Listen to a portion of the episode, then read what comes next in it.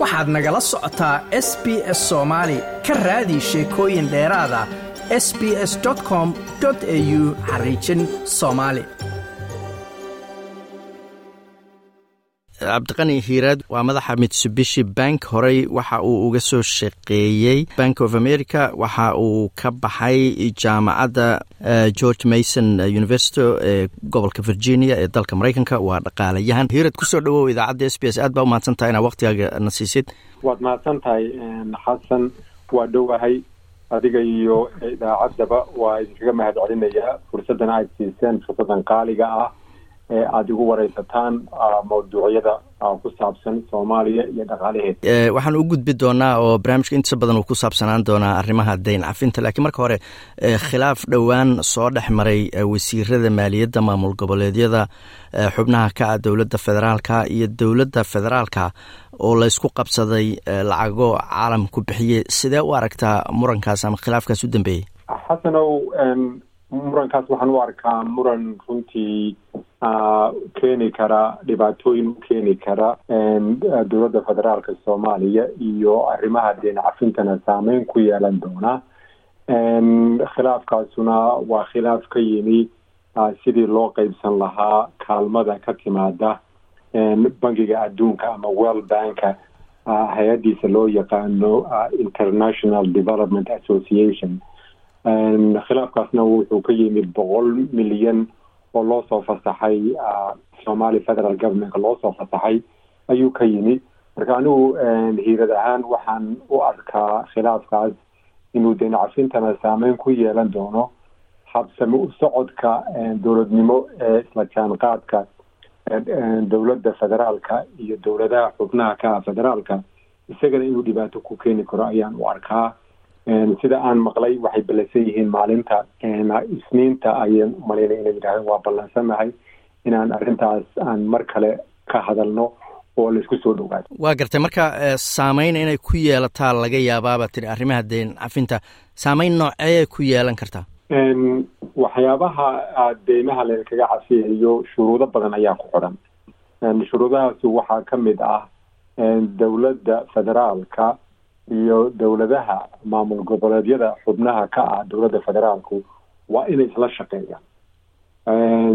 Sida isula shaqeynayana waxa weeye in wasaaradaha tusaale ahaan wasaaradaha maaliyadda ee dowladaha ka ah xubnaha dowladda federaalka iyo wasaaradda maaliyadda xamar iyo muqdisho ee federaalku waa inay isla shaqeeyaan. Waa inay wada qeybsadaan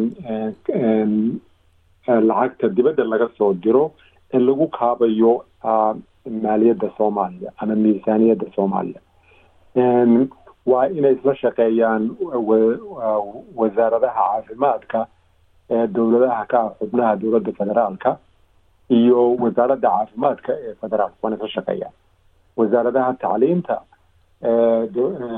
gobol dowlad goboleedyada iyo wasaaradda caafimaadka ee federaalka waa inay isla shaqeeyaan waxyaabaha shuruudo noocaas oo kale ayaa lagu xidhay shuruudahaasna waxaa loogu xidhay waddanku waa federaal haddii aanu federaalku isla jaan qaadin isqabqabsiyo ayaa badanaya. Marka jaanqaad la'aantaasna waxay keenaysaa waddankii inuu noqdo waddan iska daba wareega. Sababahaas ayaan ayay ugu noqonaysaa caqabad una saameynaysaa deen cafinta isqabqabsigaas dhex yimi wasaaradaha maaliyadda dowlad goboleedyada iyo wasaaradda maaliyadda ee federaalka. Waa gartay. Marka arrimaha dayn cafinta sanado badan baa hadda laga soo hadlayay. Bal in yar haddaad noo dulmarteed howlaha ama waktiyada uu soo maray iyo meesha hadda la joogo markay noqoto arrimaha dayn cafinta.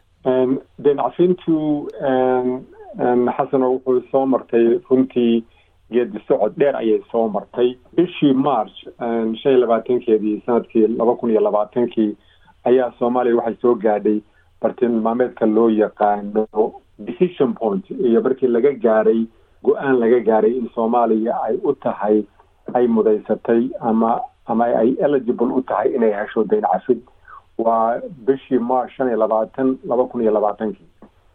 Waxaana lagu dabakay ama waxaa soomaaliya ay ka mid noqotay wadamadan la yidhaahdo highly indebted poor countries uh, initiative highly indebted poor country initiative. Waa system ay dowladuhu dowladahan dowladahan saboolka ah ee ay deyntu aada u hareereysay loo isticmaalo. Marka soomaaliya markii ay gaartay decision pointka waxaa lagu yidhi diyaar baad u tihiin in deynta laydinka cafiyo laakiin shuruudaa laydinku xiraya. Intaan xitaa inaan soo gaadhin waxaa loo yaqaano completion pointka waxaynu soo marnay geedi socod dheer runtii baynu soo marnay dowlad ahaan. Laga soo bilaabo dowladdii cabdiqaasim salaad xasan uu madaxweynaha ka ahaa. Cali khaliif garleynna uu ka ahaa prime ministerka laga soo bilaabo. Ilaa iyo hadda dowladda xasan sheekh maxamuud uu ka yahay madaxweynaha. Xamse cabdi barhan uu prime ministerka ka yahay.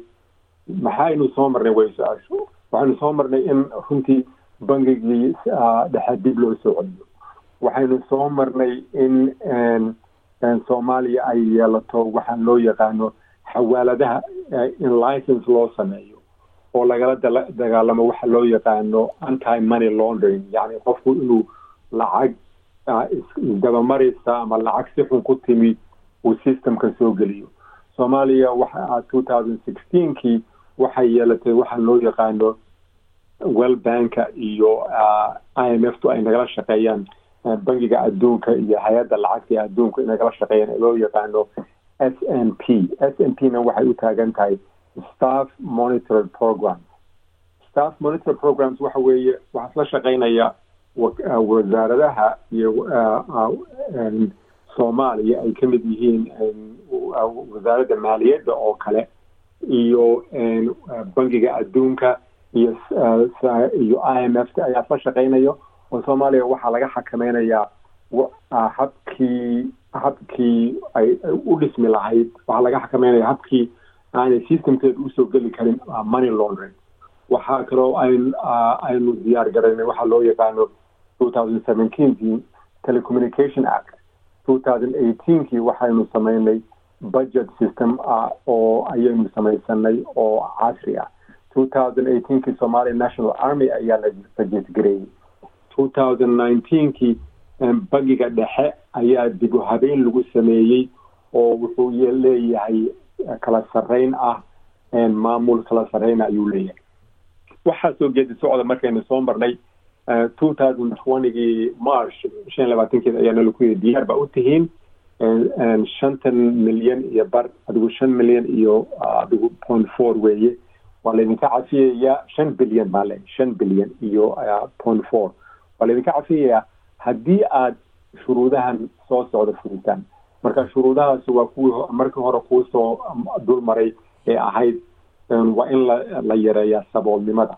Waa in ay isla shaqeeyaan dowladda federaalka iyo dowladaha ka xubnaha dowladda federaalka waa inay wadanku uu yeeshaa dakli dakli soo gelaya oo markaa dakhligaasna uu noqdo dakli yani kaabaya wasaaradaha dowladda federaalka geedi socodkaa dheer ayuu soo maray. Marka bisha march laba kun saddex iyo labaatanka ay haddii aynu shuruudihii layna ku xiday oo adigu ilaa sagaal ah sagaal iyo adigu toban meelahaasa aynu dhammaantood fulino marka deynta deyntaas ahayd five point four billion waa layna ka dhaafaya adigu badankeeda. Waxaa nagu soo haraya un adigu nus billion baa inagu soo haraysaa waa garta. Marka hiiradow lacagtaas aad sheegtay qiimaheedaoo shan dhibic afar bilyan oo doolara yaa nagu leh yaa soomaaliya kule goormaasa laga qaata badankeeda waxaa inagu leh dadkan loo yaqaano paris clubka. Paris clubku waa wadamadan ay ka mid yihiin maraykanku ka mid yihiin europeanka badankoodu russia ka mid tahay. Paris clubku wuxuu nagu leeyahay saddex bilyan oo oo oo dayn ayuu nagu leeyahay. Waana fifty eight waana fifty eight percent of waxaana lagu leeyahay. Well banku wuxuu nagu leeyahay adigu nus billion ayuu nagu leeyahay. I m f tu ama sanduuqa lacagta ee adduunku waxay nagu leedahay saddex boqol oo milyan. Wadamada carabta oo iyaguna le le sanduuq leh adigu ilaa dhowr dhowr milyan bay nagu leeyihiin. African development banka bangiga horumarinta ee africa wuxuu nagu leeyahay adigu lacag gaaraysa ilaa boqol milyan. Marka lacagta badankeeda waxaa nagu le paris clubka well banka iyo i m f ka oo waxaa soo raacay marka african development banka iyo iyo arab fundkana way soo raacayaan. Waxaasoo lacaga haddii aynu ka soo baxno shuruudahaas layna ku xidhay sanadka laba kun saddex iyo labaatanka bisheeda march waxaa laga laga yaabaa anigu aanan hubaa lagama yaaba aan hubaa inaynu gaari doono daynacfintaas waa gartay. Marka markii markaas la gaaro ka soo qaad waa la cafiyey deyntii maxaa soomaaliya kaloo dan ugu jira? Qof dayn lagu lahaa ama dowlad dayn lagu lahaa laga cafiyo wax fiican laakiin dad baa qaba in dayn cafintaasu ay keenayso ama dowladaha soomaaliya ay rabaan un keliya inay dayn kala qaataan markii taa laga cafiyo maxay yihiin faa'iidooyinka ugu jiri kara in dayntaas la cafiyo marka laga reeba dabcan qof kastoo ama cid walba dayn lagu leeyahay way jeclaan laha in daynta laga cafiyo wa waa su'aal fiican xasanow waana dayntu haddii aadan si fiican isaga fiirinin oo aadan u helinin maarayn iyo maamul iyo qorshe aadan u helin markaad qaadato oo aadan la imaanin plan ama qorshe fiican aad isaga bixinayso de waxaad noqonaysaa markaa waddan dayn qaato weli hadda dhibaatada ina haysata waxa weeye waddankeeni waa sabool laakiin waddan qani ayaynu leenahay. Waxaynu leedahay khayraad badan badan ayaynu leenahay. Marka waxaynu rabnaa haddii marka daynta layna ka cafiyo dowladihii hore sida ay noqdeen oo kale. Waxa weeye waxaa dhacda de markaa dayn laguguma leh. Marka waxaad daysan kartaa maadaama aadan ahayn waddan daynle waxaad daysanaysaa lacag kale oo waxaad ku daysanaysaa waxa loo yaqaano concessionary terms ama iyadoo ama zero interest ah ama interestkeeduba aada u hooseeyo marka marka aada daysato lacagtaas marka waxaa lagu horumarinayaa waddankii sababto waddankan wuxuu u baahan yahay infrastructure ayuu u baahan yahay. Wuxuu u baahan yahay dekadaheeda in la hagaajiyo. Wuxuu u baahan yahay ereboodhadeeda la hagaajiyo. Wuxuu u baahan yahay in jidadka la hagaajiyo. Wuxuu u baahan yahay in xoogga dalka soomaaliya si fiican loo dhiso wuxuu u baahan yahay koronto iyo wuxuu u baahan yahay electricity grid system oo meel kasta. Ah waxyaabahaas oo dhan ayaynu investment maalgashi aynu ku samaysan karnaa marka aynu dayntaas qaadano. Waddankan wuxuu leeyahay xasano waad og tahay gas iyo wuxuu leeyahay batrol si fiican loo og yahay oo hadda adduunkao dhan u hanqaltaagayo haddii aynu batroolkaas iyo gaaskaas iyo kalluunkaas iyo khayraadka kale waddankeena ku jira aynu si fiican ula soo baxno oo hufnaan iyo kala kala dambeyn iyo ay timaado accountability iyo transparency waxa loo yaqaano wixii aynu daynsanay markaa dib baynu isaga celin karnaa. Hadda inagu waddankeenu male dakhli weyn oo aynu waddankii ku dhisno laakiin haddii ay timaado nidaam hufnaana nidaam kala dambeyna nidaam aan lahayn waxaan corruptionka iyo musuq maasuqan aan lahayn. Marka haddaynu dayn qaadano tacliinta ayaynu horumarsananaa waddankeenu wuxuu yeelanayaa ilaa caafimaad oo aada iyo aada ugu muhiim. Waxaa la horumarinayaa beerihii oo runtii aada iyo aada aan hadda aan u horumarsayn marka waxyaabahaasoo dhan ayay deyntu inoo sahlasaa marka layna ka cafiyo hadda inagoo deynaynu ku leeyahay oo deyni ina hareereysay cidna waxba ina siin mayso. Waa gartay marka hiiradow dabcan markaad fiirisid hadda khilaafkii wasiirada maamul goboleedyada iyo federaalka dhex maray iyo guud ahaan sagaalkii ama tobankii qodob oo aad sheegtay oo soomaaliya lagu xiray si deynta looga cafiyo waxaad moodaa mar walba reformkaas ama isbedeladaas soomaalida laga rabay inay sameeyaan in i m f ta iyo world bankiga iyo beesha caalamku ay u la dultaagnaayeen ama kaaradu ay leeyihiin haddiinaan saan samayn deeqda in siin mayno. Marka waxaad moodaa dayn inaysan ahayn. Dayn oo keliya ay tahay xataa nidaamkii dowladnimada soomaalida in lagu dhiiragelinayo iyagoo leeyahay waxbaanu in siinayna haddaad samayn weydaanna waa in ka goosanaynaa.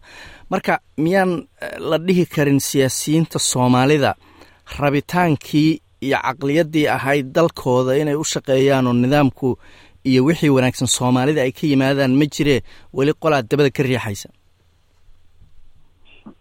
Waxa way runtii way jirtaa sababtoo ah maanta waxay ahayd markii qof kasta oo soomaali ah ama siyaasi ha noqdo ama siyaasi ha yaanu ahaanin ama ha ahaado qofka ciroolaha ilaa iyo qofka yar. Maalintii waxay ahayd runtii aada loo guntan lahaa oo aan la isku khilaafaynin waddankan sidii loo samata bixin lahaa. Maxaa dhacay dhe soddon sano ayaynu arrinteenu soo ragaadsanen soddon sano ayay arrinteenu soo kacaa ku faysay marka nimankan siyaasiyiintu runtii de dad fiican waa jira raba waddanka ina wax ka qabto. Laakiin systemkan ina ragaadiyo dhibaatada inoo keena waxa weeye dadkii eliidka ahaa walisiiba siyaasiyiinta ahaa ayaa la moodaa inay arrinta daacad ka ahayn.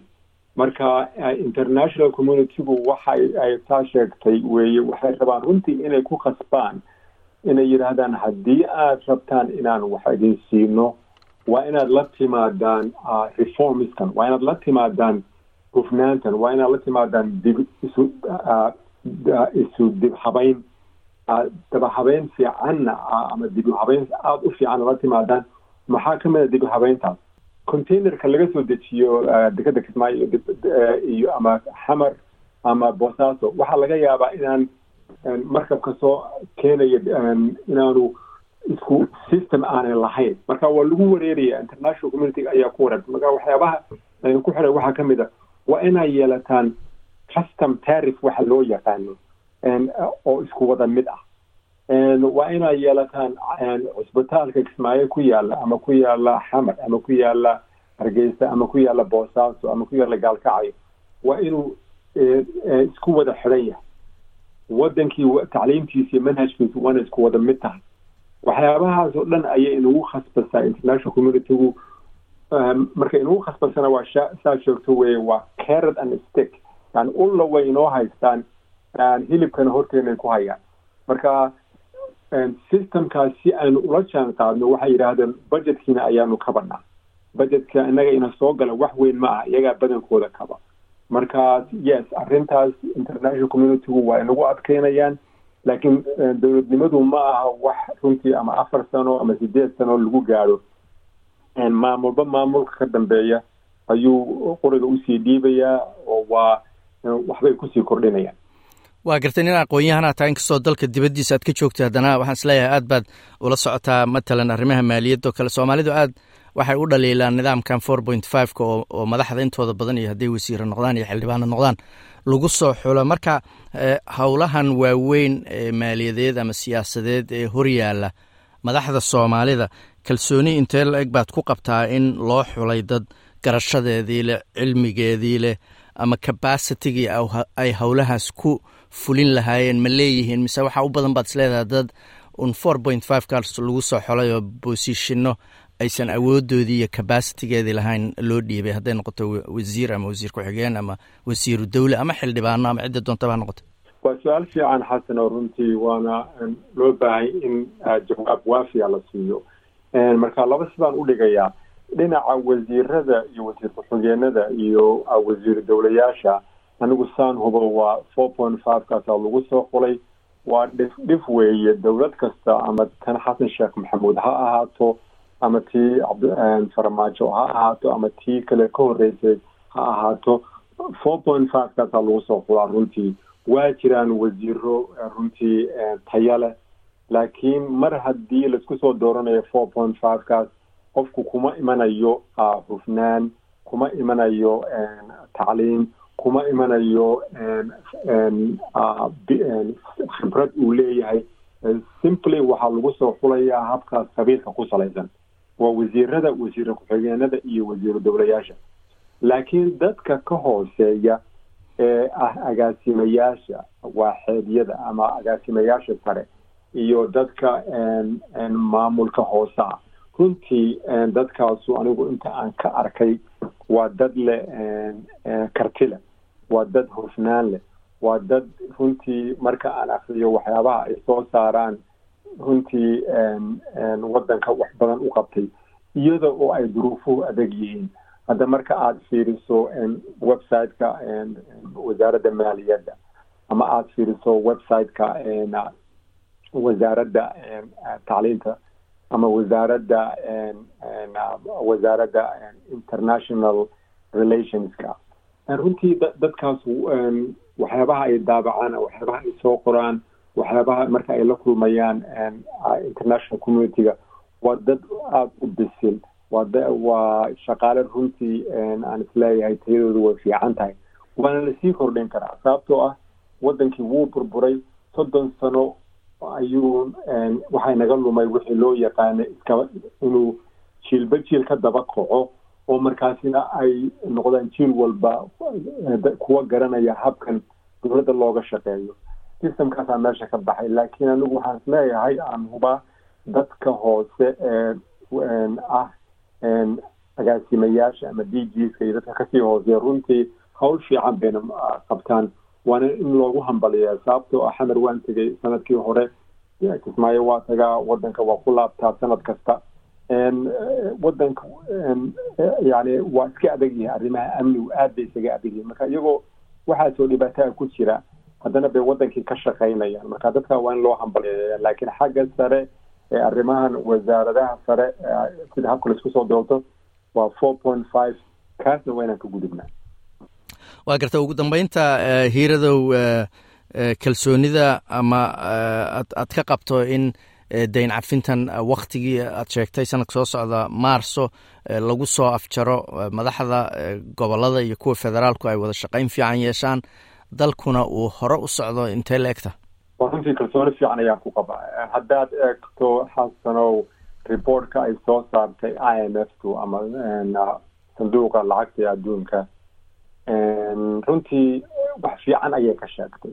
Wax hadda reportka waxaa ku qoran ay leeyihiin waxba iskama kaaga bedelin inay soomaaliya gaadho waxa loo yaqaano completion pointka sanadka laba kun saddex iyo labaatanka inay gaadho waxba iskama kaaga bedelin ayay leeyihiin. Sababtoo ah marka waxay soo qaateen shuruudihii meela ku xorey o dhan bay soo qaateen. Markaasay waxay ka muujiyeen meesha ay marayso shuruud kasta. Hadda tusaale shuruudan ah inaynu saboolnimada hoos u dhigno. Waxay yidhaahdeen runtii meel fiican ayay maraysa oo dhinaca dhaqaalaha dhinaca bulshada dhinaca amniga dhinaca isxukunka ee governanska waxaasoo dhan meel fiican ayay marayaan. Waxa ay kaloo inagu xidheen marka horena aan kuu sheegay wasaaradahu waa wada shaqeeyaan oo ay yeeshaan system ay ku wada shaqeeyaan. Marka waxay tusaale u soo qaateen wasaaradda tacliinta oo kale. Waxay dhaheen way kulmeen wasaaradaha dowladaha ka ah xubnaha federaalka iyo dowladda federaalka way kulmeen.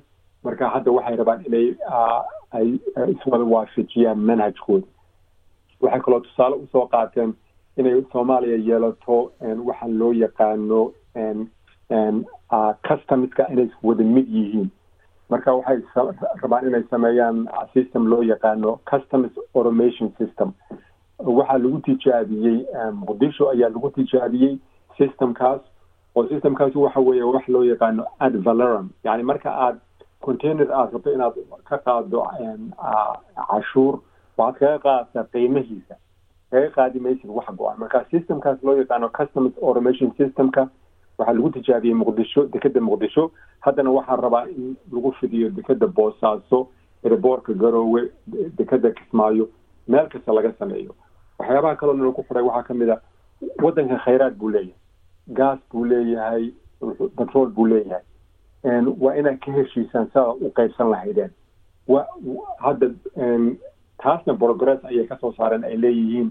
Waxaa laga soo saaray sharci sharcigaasna hadda baarlamaanka la horgeyn la horgeyn doonaa. Marka waxyaabahaas oo dhan runtii hadda meel fiican inay noo inoo marayaan. Dabcan waxaa hakiyey oo xoogaa ku dib u dhac ku keenay markii isqabqabsiga doorashadu ay timi. Sababto a markii laynasi yiri deenta ka cafiyaya lacag baa layna siiyey lacag ilaa adigu afar boqol oo milyana layna siiyey oo aynu dib u habeyntan aynu sameynayno aynu ka hadla ka hadlayo lagu kharash garaynayo ama kharashkeeda lagu bixinayo. Dib u dhacaasi wuxuu keenay in waxaana la eegayay oo ama systemkeena la fiirinayay sideed sanad iyo bar la fiirinayay. Markii la isqabqabsaday systemkii review waa lagu sameyn kari waay sababtoo baarlamaankii ma fadhin. Madaxweynihii iyo prime ministerki way haysteen. Dib u dhacaas xoogaa dhibaatuu keenay laakiin waan hubaa marka la gaaro march twenty twenty three soomaaliya waxaa u furmaysa yani cutub cusub cutubka cusubna waxa weeye in deyntii lagu lahaa laga cafiyo almost nine nine percent. Waxa yare ku soo haray aanu wax weyn noqonin. Dadkuna adduunkuna u arko soomaaliya meel la maal gashan karo. Dabcan arrinta securitygu waa muhiim. Arrinta haddii wax laga qabto soomaaliya waa wadan dihan oo wadan dadkeedii dibadda aada iyo aada u joogan oo raba inay maal gashtaan. Wax kasta oo soomaaliya ku saabsan xasano waa laga maal gashan karaa. Aan ka ahayn hub sababto oo wadankan waa wadan soddon sano cabursanaa oo u diyaar ahaa oo yani u heelanaa inuu dadkiisa ku soo laabtaan oo ay maalgashi ku samaystaan. Kaasina wuxuu ahaa aqoon-yahan cabdiqani hiirad oo khadka telefoonka ee magaalada washington ee dalka maraykanka iigu waramayey waa mahadsantaa mar kale hiirad adaa mudan xasan mahadsanid adiga rediyaga like as la wadaag wax ka dheh lana soco barta facebooka ee sb s soomaali